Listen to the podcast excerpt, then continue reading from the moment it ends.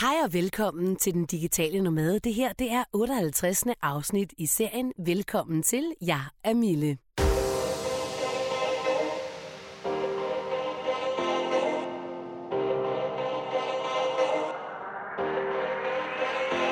Det her det er en podcast, der handler om at kunne leve som digital nomade, at kunne tage sit arbejde og sit liv og familie med ud i verden, bosætte sig forskellige steder og leve af sin freelance- eller entreprenørvirksomhed.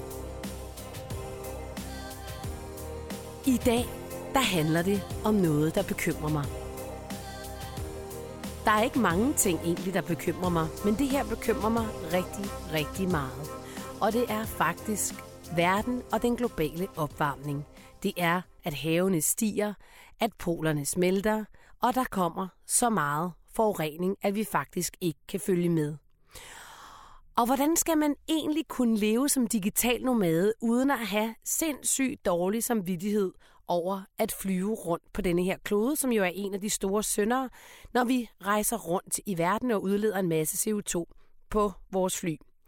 Derfor har jeg simpelthen gjort det, at jeg har allieret mig med en forsker i lige netop det her område, nemlig i øh, klima. Og øh, hun, øh, hun kommer til at sætte mig på plads. Det kan jeg godt fortælle dig. For det første så øh, kommer hun til at øh, udrydde ordet synd, og det kan du høre hvorfor i podcasten om et lille øjeblik. Hun øh, fortæller også, hvad det er for noget, vi kan gøre som øh, den enkelte menneske for at, øh, for at hjælpe miljøet på vej. Men er det, det i virkeligheden slet ikke er det enkelte menneskes ansvar at, øh, at redde miljøet? Og øh, så skal du også spidse ører, fordi Kirsten, som er forsker på... Øh, på DTU. Hun øh, kan godt være lidt svær at høre, så det er altså noget med lige at skrue op for, mikro, øh, for din egen hørebøffer og, øh, og lytte godt med og spids ørerne, fordi hun kommer med nogle virkelig fede iagttagelser omkring vores klima, og hvad det er, vi egentlig kan gøre ved det, også som enkeltpersoner, og hvorfor det er, hun mener, at, at øh, skyld og skam, det hører til i kirken. Velkommen til dig, Kirsten. Tak, fordi du vil være med i den digitale nomade. Kirsten Halsnæst, professor ved i bæredygtighed, ikke sandt? Ved DTU. Nej, jeg er professor i klima og økonomi, men vores øh, afdeling hedder bæredygtighed. Okay, i klima og økonomi. Fint. Og Kirsten Halsnes, velkommen til podcasten Den Digitale Nomade. Jeg glæder mig rigtig meget til at tale med dig. Ja, tak. Og øh, jeg vil jo rigtig gerne øh, blive klogere på alt det her med klimaspørgsmålet og de store sønder, fordi jeg lever jo selv som digital nomade, og en digital nomade, det er jo altså et menneske, der rejser rigtig meget, fordi han eller hun ligesom kan tage sin computer under armen og arbejde for hele verden af. Og det er der rigtig mange, der gør. Vi er jo rigtig mange, der rejser. Men nu er jeg jo begyndt at få kvaler fordi jeg får jo tudet ørerne fulde af, at det er noget forbandet møg for vores klima at flyve. Og øh, Kirsten, jeg kunne godt tænke mig at starte med at spørge dig, så skal vi bare holde op med at flyve? Jamen altså, da jeg hørte den debat, som startede meget øh, for et års tid, som er måske lidt længere, så blev jeg virkelig øh, meget øh, overrasket, fordi jeg forstår ikke, at man kunne forestille sig, at det ikke skulle have et meget tæt samklem med alle verdens lande. Mm. Fordi i fremtiden vil det jo være sådan, at med den øh, befolkning, der er i udviklingslandene og i vækstøkonomierne, som Kina, Indien og Brasilien og de steder, der er det jo dem, som vi skal samarbejde med for at reducere drivhusgasserne. Så hvis ikke vi kan rejse og have et kulturelt samvær med de mennesker, så kan vi jo slet ikke gøre noget for klimaet. Så løsningen med, at vi sidder hjemme hos os selv, og køber en guldråd, der er produceret på en øh, gård i nærheden af København, den ser jeg som utrolig virkningsløs og selvcentreret faktisk. Mm, okay, så du, du synes ikke, at løsningen er, at vi skal holde op med at flyve? Overhovedet ikke. Vi er nødt til at være rundt og have et meget tæt samkvem med de lande, fordi det, der kan ske, det er, at de lande, de bare vil efterligne en dårlig livsstil, som vi for eksempel kender det i, i USA, som jo er et stort ideal et hver udviklingsland, man kommer til, det første, du ser, når du ud af lufthavnen, det er jo nogle reklamer for Coca-Cola og Pizza Hut mm. og lignende ting. Og det er jo fordi, at man tænker, at man gerne vil være rig. Mm. Og det er jo ikke så mærkeligt. Hvis man lever for at få øh, dollar om dagen, så vil man gerne være rig. Så gør man det, som man gør, øh, forbinder med rigdom, og det er at satse på de amerikanske værdier. Måske kunne vi tilføje nogle andre værdier. Ja. Og vi kan i hvert fald ikke gøre det, hvis vi bare sidder hjemme hos os selv. Nej. Men så i forhold til, altså sådan måske mere sådan turisme, For rigtig mange mennesker elsker jo at rejse, og jeg tror da ikke, vi får folk til at holde op med at rejse, heller ikke selvom vi siger, at det er dårligt for miljøet.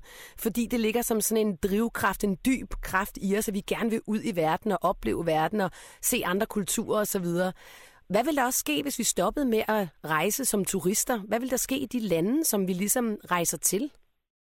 Jamen, så vil de jo miste en masse indtægter. Og det, jeg tænker, det er, hvis vi nu bare får tage lidt konkret. Mm-hmm. Hvis der nu er for eksempel Kreta, hvor jeg tit holder ferie, der er der jo opstået sådan nogle nye øh, madkulturer også, som skal prøve at leve op til, altså noget, der måske er mere økologisk, eller mindre kød. Altså, de, de mm. på, lader sig udvikle deres egen vaner, deres egen kultur bliver påvirket. Så jeg kan ikke se noget meget positivt ved, at vi skulle lade være med at rejse, men det man må se på, hvis det gælder flytrafik, det er jo de muligheder, der er for at ændre på øh, selve teknologierne og på det brændstof, der bruges, og på hele den måde, det foregår på. Ja, kan du, kan du fortælle lidt om det? Om, ja, altså det er jo både noget med at bruge biobrændstoffer, men det er jo også noget med at bruge nye effektive fly. Og jeg føler mig faktisk øh, helt på vildspor, hvis jeg skulle begynde at sidde og tale om flyskam som jeg har hørt, der er nogen, der har fundet på et nyt ord, der hedder flyskam. Okay, fedt. Jeg synes jeg godt nok er provokerende på mig. Ja. Fordi skal jeg så også skamme mig, når jeg tager et, et brusebad, fordi at Danmark stadigvæk har nogle kulfyrede kraftværker, altså øh, brusebadskam. Eller hvis jeg kører i en bus, som har diesel, er det så busskam.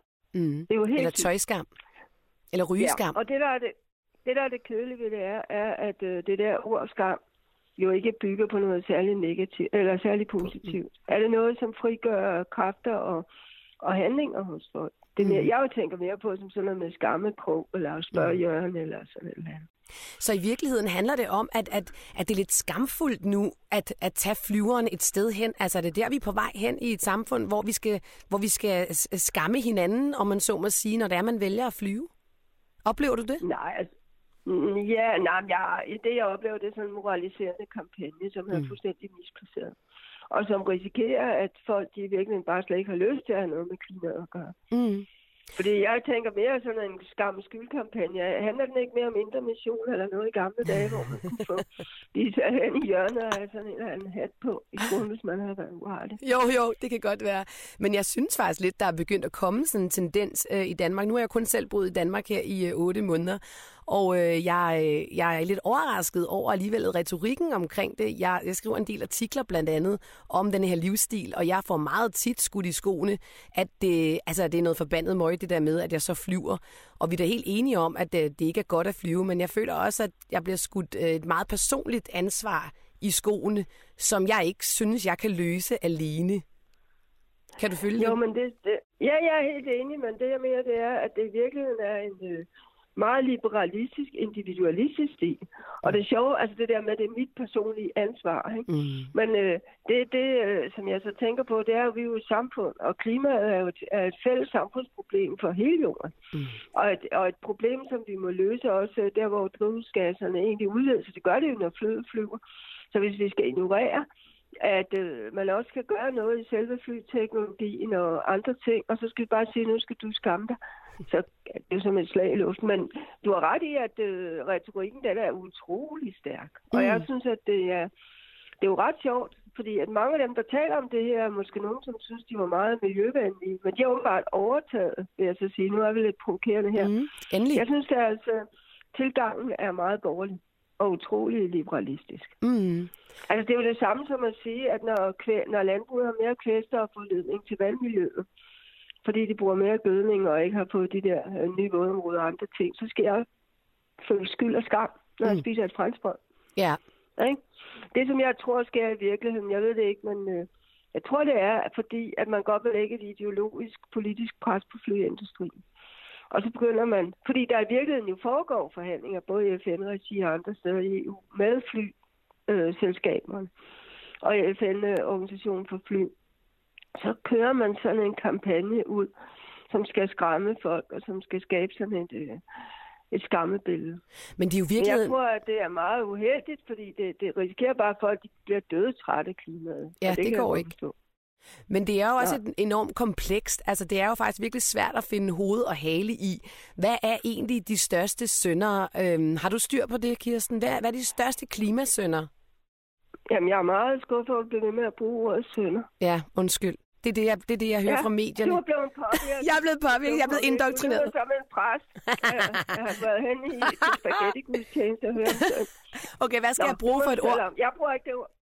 Jamen altså, hvem er de største udledere? Hvor er de største drivhusgasudledninger? Yes. Hvor er de største Ja. udled? Yes. Lad os bruge det. Ja, ikke synd og skam, det hører hjemme i kirken. Godt. Nå, men øh, ja, men det er jo ikke flyene. De, de jo står kun for 3% af verdens drivhusgasudledninger. Okay. Så kan man selvfølgelig sige, at de kommer til at stige. Men, men det er det, jeg mener. Det, som jeg ser, og det er fordi, jeg ved, at skibstrafikken, den internationale skibstrafik, Ja. de har indgået en, en frivillig aftale i april 2018 for FN's, øh, øh, den der, den hedder IMO, International Maritime Organization. De har indgået en aftale, hvor de har lovet at reducere. Mm-hmm. Det er der nogen, der gerne vil have, at FN's luftfartsorganisation, som det hedder IATA, også skal gøre. Ja. Så det her er virkelig noget, der bliver kørt op som sådan en international politisk dagsorden. Og så, så har, er der åbenbart nogen, der har fundet ud af, at det er meget bekvemt at begynde at snakke meget om sådan en individuel skyldskam. Og det er noget, som øh, appellerer til sådan nogle smarte livsstilspersoner i byområder og veluddannede folk. Og sådan, Ja, ja. sådan en skammekampagne. Sådan om mig, åbenbart. Ja, du, du er åbenbart lidt for let på virkeligheden. ja, ja, det må man sige. Ej, jeg siger det bare på at drille. Ja, men det må du gerne. Her. Må der gerne drilles, og vi må også gerne være skarpe, og vi må også gerne være provokerende, Kirsten.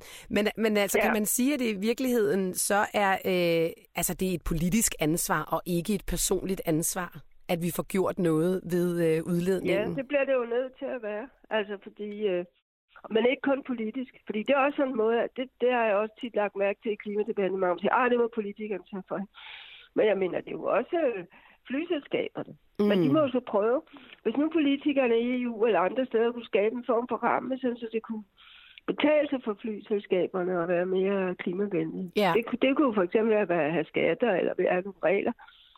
Hvis ikke der er nogle former for regler eller rammer, så vil de bare sige, at hvis vi påtager os det alene, så øh, bliver vores konkurrenceposition på markedet forringet. Er der nogle flyselskaber, der allerede nu er, hvad kan man sige, mere klimavenlige, det lyder måske forkert, end, end andre? Altså er der nogen, der Ja. har gjort noget? Der er nogle af dem. Altså, jeg har forstået det sådan, at øh, nogle af de store selsk- gamle selskaber, sådan nogle som SAS og Lufthansa, og al- altså de store, Mm. de har jo en masse af sådan noget med, at man kan købe øh, projekter, som man så kan investere i. Okay.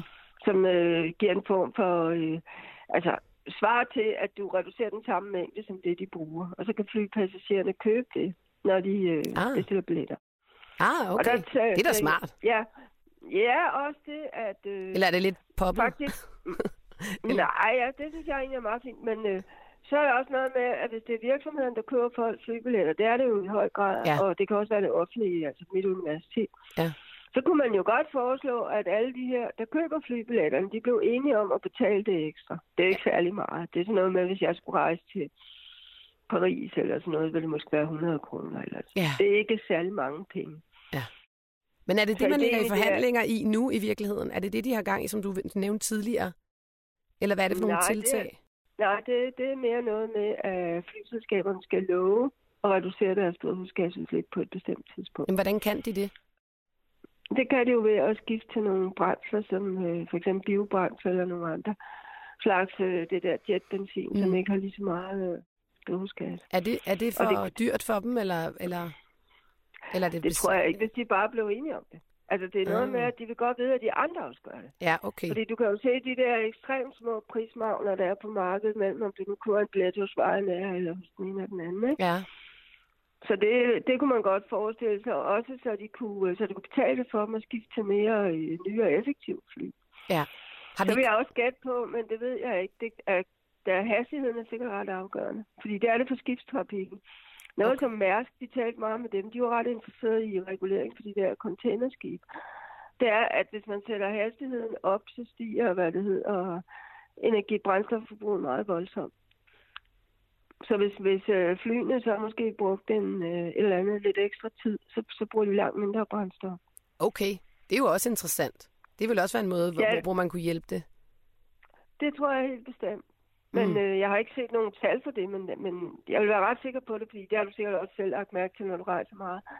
Det er jo kun, hvis man er virkelig kommet bagud for tidsplanen, at de sætter hastigheden rigtig meget op. Ja, det er rigtigt. Fordi så kan de jo spare på alt det der med forbindelsesfly og sådan Ja, noget. ja. Ja, komforten for deres kunder og så videre, ikke? Nej, nej, men altså, det er jo ærgerligt, hvis, øh, hvis du ikke når, så skal de jo betale kompensation, og så købe nye billetter. Ja. Så der er noget omkring øh, hastighederne også. Okay. Så, men hvad med elfly? Er det noget, der er på tegnebrættet? Ved du det? Jeg synes, jeg har hørt, at man har nogle i Norge til indrigsflyene. Jeg synes, jeg har set øh, for et par få uger siden, måske ingeniøren, at de vil forsøge sig med elfly til noget indrigsflyvning. Nå, okay. Jeg skal ikke være den forsøgsperson. Nej, det tror jeg ikke, der er noget problem. i. Nå, okay. Fordi altså, problemet er, er øh, om de batterier, de er, om de har nok kapacitet. Ja, okay. Og hvad så, hvis de ikke har? Så må de bare komme ned. Nej, det tror jeg slet ikke noget. Altså, jeg tror altså ikke, det er så kompliceret. Problemet er mere, at, at øh, batterier er jo også tunge, og mm. det er det samme, man har med elbiler. Hvor langt kan de række? Og Ja, noget, ikke? ja. Nå, det er da Så spændende. jeg tror da nok sagtens, man kunne forestille sig det, men det er sikkert kun til kortere øh, strækninger. Ja, ja. Men en dag måske er der mulighed for til længere strækninger. Men Kirsten, hvis vi lige skal op ja. tilbage til, hvor vi talte om øh, det der med de, de største øh, udledninger, så sagde du, at, øh, at flytrafikken faktisk kun stod for 3 procent. Og så snakkede vi om skibstrafikken. Er det dem, der er de store ja. øh, udledere? Nej, de store udledere i verden er selvfølgelig energisektoren. Mm. Men, øh, men det, der er sket inden for energisektoren, det, nu har jeg jo været med i klimaforskning siden to, øh, 1992. Det var Ja. lang tid. Ja, det må man sige. Og øh, ja, der er der sket en overraskende hurtig positiv udvikling inden for vedvarende energiteknologier. Det Mm. kom meget hurtigere end det, man regnede med. Okay. At det ikke var væsentligt dyrere end, øh, end, end fossile brændsler og andre ting. Mm-hmm. Så derfor så er energisektoren ikke den, der er sværest muligt at fat på. Det var også derfor, man i lande som Danmark og andre lande kan have mål om, at man slet ikke at have nogen fossile brændsler inden, inden for de næste årtier. Ikke? Ja. Det er fordi, der er faktisk teknologier, som godt kan gøre. Så har vi selvfølgelig det problem, at der er nogle steder i verden, som for eksempel Østeuropa eller andre steder, hvor man lever af altså kulminer, og man gerne vil holde fast i det. der. ikke? Men det er jo ikke, så man skal afvikle de sektorer og skabe en anden økonomisk øh, baggrund i de, i de områder. Men øh, det er ikke sådan, at man ikke kan løse det. Men noget der, hvor vi har de største problemer, det er sådan noget som landbruget og transportsektoren. Okay. Ja, fordi der har du ikke øh, så let tilgængelige løsninger. Så, hvis bare Så let på hvad, Danmark, sagde du? Let tilgængeligt hvad? løsninger, Ja, okay. løsninger på at reducere drivhusgasser. Mm-hmm. Hvis man ser i Danmark, så bliver det jo sådan efterhånden, så energisektoren bliver en ret lille del af Danmarks drivhusgasudslip. Ja. Men øh, det er jo landbruget og transporten, der kommer til at stå tilbage. Ja. Og hvis man skal ned på de der lave temperaturmål, som 1,5 grader eller 2 grader eller sådan noget, så er vi nødt til at have alle sektorerne med. Fordi så er det noget med, at i 2050, i vores del af verden, skal du stort set ingen drivhusgasser have. Ja. Når vi det, Så det er det der... Øh, tror du? øh, ja, det ved jeg ikke. Det, altså, jeg er mere bekymret for, om Indien og Kina og alle de andre store lande kan nå det. Ja. Fordi det, der sker i vores del af verden, er jo, at, at sådan tung industri og meget energiintensive processer, de har en meget lille del af vores økonomi. Så må ikke, jeg ved ikke, om vi når ned på ingen drivhusgasser. Det bliver landbruget, der bliver et problem. Ja, det bliver ja. det største problem. Ja, okay. Men om de gør det i vækstøkonomierne, det er mere interessant. Fordi det jo, Kina har jo over 35 procent af verdens drivhusgasudslip. Så er det jo ligegyldigt, hvad Mm. vi sidder og bliver Ja. ja. her. Det er rigtigt. Ja, vi skal have de store spillere med på banen i hvert fald, ellers så bliver det ikke, kommer det ikke til at batte i det store regnskab. Og så er det måske også lidt dumt at forbyde rejser til Kina. Ja, ja for jeg skal ikke påvirke den. Det er du ret i.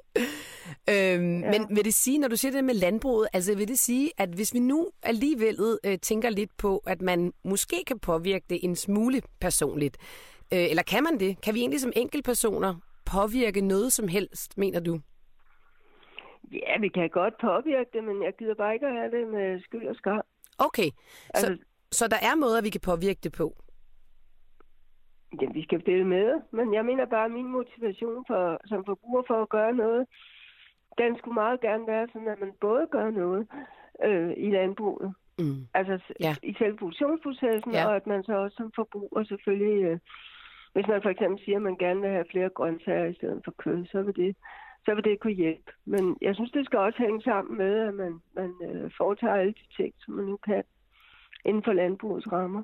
Ja, Altså for eksempel, at du, øh, at du producerer biogas, og du har grønne marker om vinteren, og at man bruger mere naturgødning. Og, altså det der kvælstofudledning, Ja, som man taler så meget om, det er jo ikke kun et problem for hvad det hedder, vådområderne og miljøet.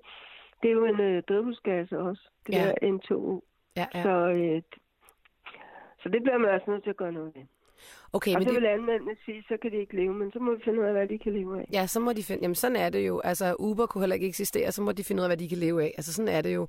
Jeg tænker, at uh, rigtig mange af mine... Jeg har faktisk spurgt mine lyttere, inden jeg skulle interviewe dig, øh, hvad de gerne ville spørge dig om, Kirsten. Og mange af dem er optaget af, hvad de personligt nemlig kan gøre. Altså, kan de, Ja. skal de lade være med at spise for meget kød? Skal de lade være med at vaske tøj ved over 30 grader? Øh, skal de putte solceller op? Altså, hvad, hvad batter mest? Det var der nogen af dem, der spurgte, hvad batter mest? Hvad kan jeg mest gøre for ligesom at, at hjælpe miljøet på vej? Har du nogle gode bud på det? Ja, altså først vil jeg sige, at jeg er godt klar over, fordi jeg også snakker en del om de der grønne studenter, folk de vil gerne virkelig gøre noget. Ja. Det er jo positivt. Ja, Jamen, jeg vil tro, at alle de steder, hvor der er energibesparelser, der er rentable, der er det nok nogle af de billige. Hvis man nu bor i et gammelt hus, hvis man kan isolere og Mhm. skifte ud til lavenergivinduer, tror jeg er ret vigtigt. Så synes jeg da også, øh, med de moderne vaskemidler, vi har, at man øh, vasker tøj på en lav temperatur. Det er sikkert også godt for, for tøjet. ja. Og så er det godt for både helbredet og for øh, klimaet, hvis man spiser flere grøntsager. Altså Og færre med kød. Ja.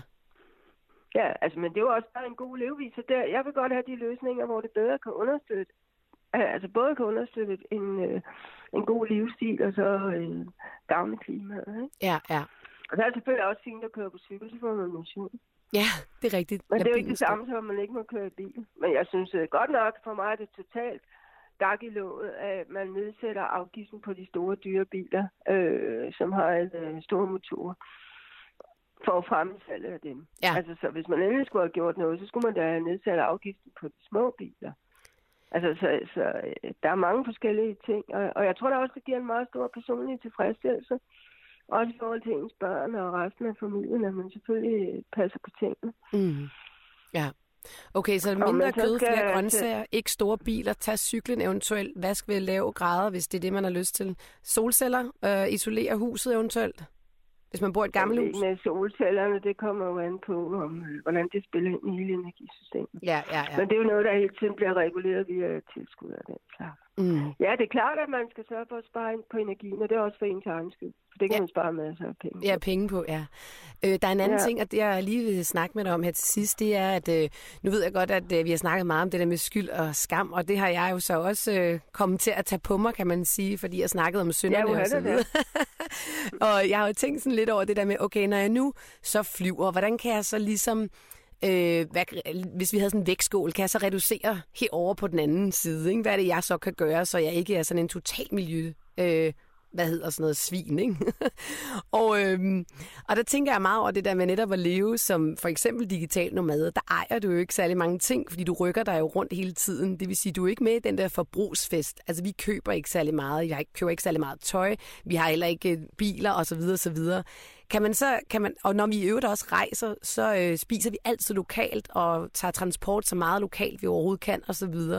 Er det den måde, man ligesom kan ophæve regnskabet på og få god samvittighed, hvis det er, at man nu alligevel vælger at flyve, hvis vi skal tale om, at man får det lidt skamfuldt over det?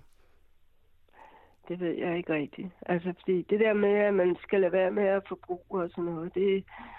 Altså, jeg mener, det kommer egentlig meget an på, hvad det er, man forbruger.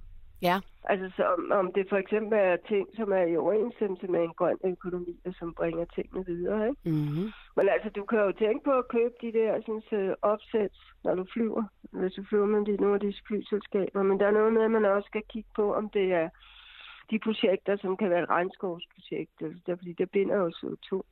Om de så også er øh, beskrevet som noget, man kan regne med at stole på. Og sådan noget. ah, altså det vil sige, når man booker en flybillet, så kan man øh, give nogle penge til at plante træer, eller hvordan? Ja, altså fordi at træerne, de opsuger jo CO2, når de vokser. Ja. Så derfor kunne man jo gøre det. Okay, det har jeg aldrig set. Det er aldrig blevet tilbudt på nogen af de steder, jeg har booket flybilletter. Jamen, det findes der alt muligt med. Men, men øh, hvis det er sådan, at, du, at de flyselskaber, som du bruger, ikke lige har det, så findes det sikkert på nettet, at man, man kan gå ind i det. Men det ville da være mega smart, hvis flyselskaberne i virkeligheden indgik et samarbejde omkring det. at når man bookede en billet, så kom der lige sådan en pop-up-vindue, hvor de skrev, her planter vi en træ, og du betaler det for det? Jamen, det har de for eksempel på det der rejsebureau, som vi bruger på DTU. Altså, at de tilbyder det. Ved Men jeg du, er ikke det er? klar over, hvad ledelsen mener. Nej, okay. Jamen, altså, det er rejsebureauet. Jamen, det ved jeg ikke. Dem skal jeg vel ikke lige... Men det er jo ikke, det er jo så lidt som øh, hjælper forretningsrejsen. Du ved godt, der findes jo de der store bureauer. Alle, ja. alle øh, offentlige institutioner og virksomheder, de bruger nogle bestemte øh, rejsebureauer, Ja, ja, som ja. alting bliver booket igennem. ja. Okay, Men det, det er med, der, der findes også øh, sider på nettet, som øh, går ind og sælger sådan nogle ting, ja. som opsæt. Okay, Kirsten, øh, det kan jeg google mig til, det er jeg helt sikkert øh, på. Er der noget, øh, du, er noget, du vil sige her til sidst omkring det her emne, inden vi, øh, vi afslutter? Jeg synes, vi er kommet rigtig godt omkring, og jeg har i hvert fald fået fundet ud af, at vi skal droppe ordet sønder, og det hører til i kirken, og at vi ikke skal have så dårlig samvittighed, og i virkeligheden handler det også rigtig meget om, at vi samarbejder på et større politisk plan, kan man sige, i verdenen. Men også, at vi virkelig respekterer ulandene og prøver at sætte os ind i, hvordan deres forhold er, fordi det er i de store udviklingslande, blandt andet i Asien, det er dem, der kommer til at afgøre hele klimaspørgsmålet. Mm. Og det bliver vi bare nødt til at finde ud af, og samarbejde med dem. Ja, og det gør vi blandt andet ved at tage derud og inspirere dem. Men Ikke sandt? også ved at samarbejde med dem, hvis man er studerende og laver projekter, der handler om det, og i forskningsprojekterne. Og altså have åbne øjne for det. Og at lukke sig ind i sin egen verden og sige, at vi bare skal leve af, hvad vi selv producerer i Danmark, det, det bringer os ingen vej. Efter min mening. Tusind tak, Kirsten Halnes, professor i klima, fordi du vil være med her i dagens udgave af Den Digitale Nomade. Jeg er i hvert fald blevet meget klogere, og jeg er holdt op fra nu af med at bruge ordet synd om klima. Det skal jeg holde øje med, fordi du kommer garanteret til at sige det igen. Det er, Det er fedt. godt. Det er godt, du holder øje med mig, ja. Kirsten. Så blev vi en lille smule klogere på, hvad det er, øh, der udleder, må vi ikke sige øh, syndere, hvad det er, der udleder allermest øh, CO2, hvordan så, vi som privatpersoner øh, i virkeligheden kan hjælpe miljøet på vej, og at vi faktisk ikke skal holde op med at flyve. Det er jeg jo personligt øh, meget taknemmelig for, fordi det vil gøre min øh, verden og den måde, jeg lever på, utrolig kompliceret. Og i virkeligheden så er det jo rart at vide, at vi faktisk skal rejse ud i verden, så vi netop kan støtte de her sådan, altså, øh, lokalsamfund, der lever af turisme. Da jeg var på Sri Lanka her for nylig, der øh, var der en, der fortalte mig, at 80% af deres indkomst, det kommer altså fra turisme, og jeg som kigger troede, at det var deres te. Det er det så ikke, og det er det selvfølgelig også, men 80% af deres indkomst kommer fra turisme. Så hvis folk stopper med at rejse, hvis folk stopper med at flyve, hvilket nærmest er den eneste måde, du kan komme på Sri Lanka, ellers er det fandme en lang sejltur, jamen så forsvinder de her øh, muligheder faktisk for, at øh, der er en levestandard i de her lande, som har bygget hele deres øh, land op på turisme. Men jeg vil da lov til at sige her til sidst, at det vigtige er jo netop, øh, som vi også var lidt inde på her i podcasten, at når du rejser, så prøv at sætte så lidt aftryk, som du overhovedet kan. Bliv så længe du kan. Tag lokal transportmiddel. Lad være med at sidde og drikke dyr argentinsk vin, når du for eksempel er på Sri Lanka, som skal transporteres hele vejen derover. Drik deres lokale øl. De smager i øvrigt udmærket. Faktisk smager de pisse godt. Og, øh, og spis deres lokale mad. Altså, jeg har levet af øh, curry i en måned, og jeg synes, det var mega lækkert. Og ja, ja, måske kunne man godt have lyst til at variere det en gang imellem. Men prøv at høre, det er sådan, det er, når man rejser. Og det er også en del af det at være inde i en kultur og finde ud af, okay, de her mennesker, de spiser faktisk curry 365 dage om året. Og så kan det godt være, at der en dag er en curry til, og næste dag er der to curry til. Og faktisk er det sådan, at i de fattige familier, der har man måske en til to curry til øh, sit aftenmåltid, og, øh, og i de så større, øh, rigere familier, kan man sige, der er man måske helt op på 5-6 forskellige curries, daler, bønner og så videre, så videre. Så det er et godt råd. Sæt så lidt aftryk som muligt, når du er derude. Men du skal altså stadig flyve dig ud, sådan så alle de her sådan, samfund ikke kollapser. Du er velkommen til at skrive til mig, hvis du har noget på hjertet, eller der er andre emner, du synes, jeg skal tage op, så som øh, klimaet, jeg gjorde her i dag. Det var også på opfordring faktisk af en, øh, en lytter, og jeg havde lige netop tænkt samme tanke, samme dag, jeg får den her ind i min, i min inbox. Så det var jo helt fantastisk. Fantastisk. To sjæle, en tanke. Du er velkommen til at øh, følge med mere inde på min hjemme, øh, hjemmeside, Den Digitale Nomade på Facebook. eller på millespeak.dk, hvor du også kan følge med i livet som digital nomade. Og ikke mindst, så er min bog jo kommet nu med 50 jobs, du kan have som digital nomade. Den er fuldstændig gratis. Du tilmelder dig begge steder, millespeak.dk eller inde på den digitale nomade på Facebook. Nyt foredrag er ude, øh, som er åbent. Husk at booke din early bird billet. Det er den 30. april i København med Christian og jeg. Og øh, sidste gang var der udsolgt. Det var der også forrige gang. Så hvis du skal nå at fange billetten, inden der ikke er flere, så må du hellere komme ind og bestille. Linket finder du også på begge sider. Ha' en rigtig god dag. Hej.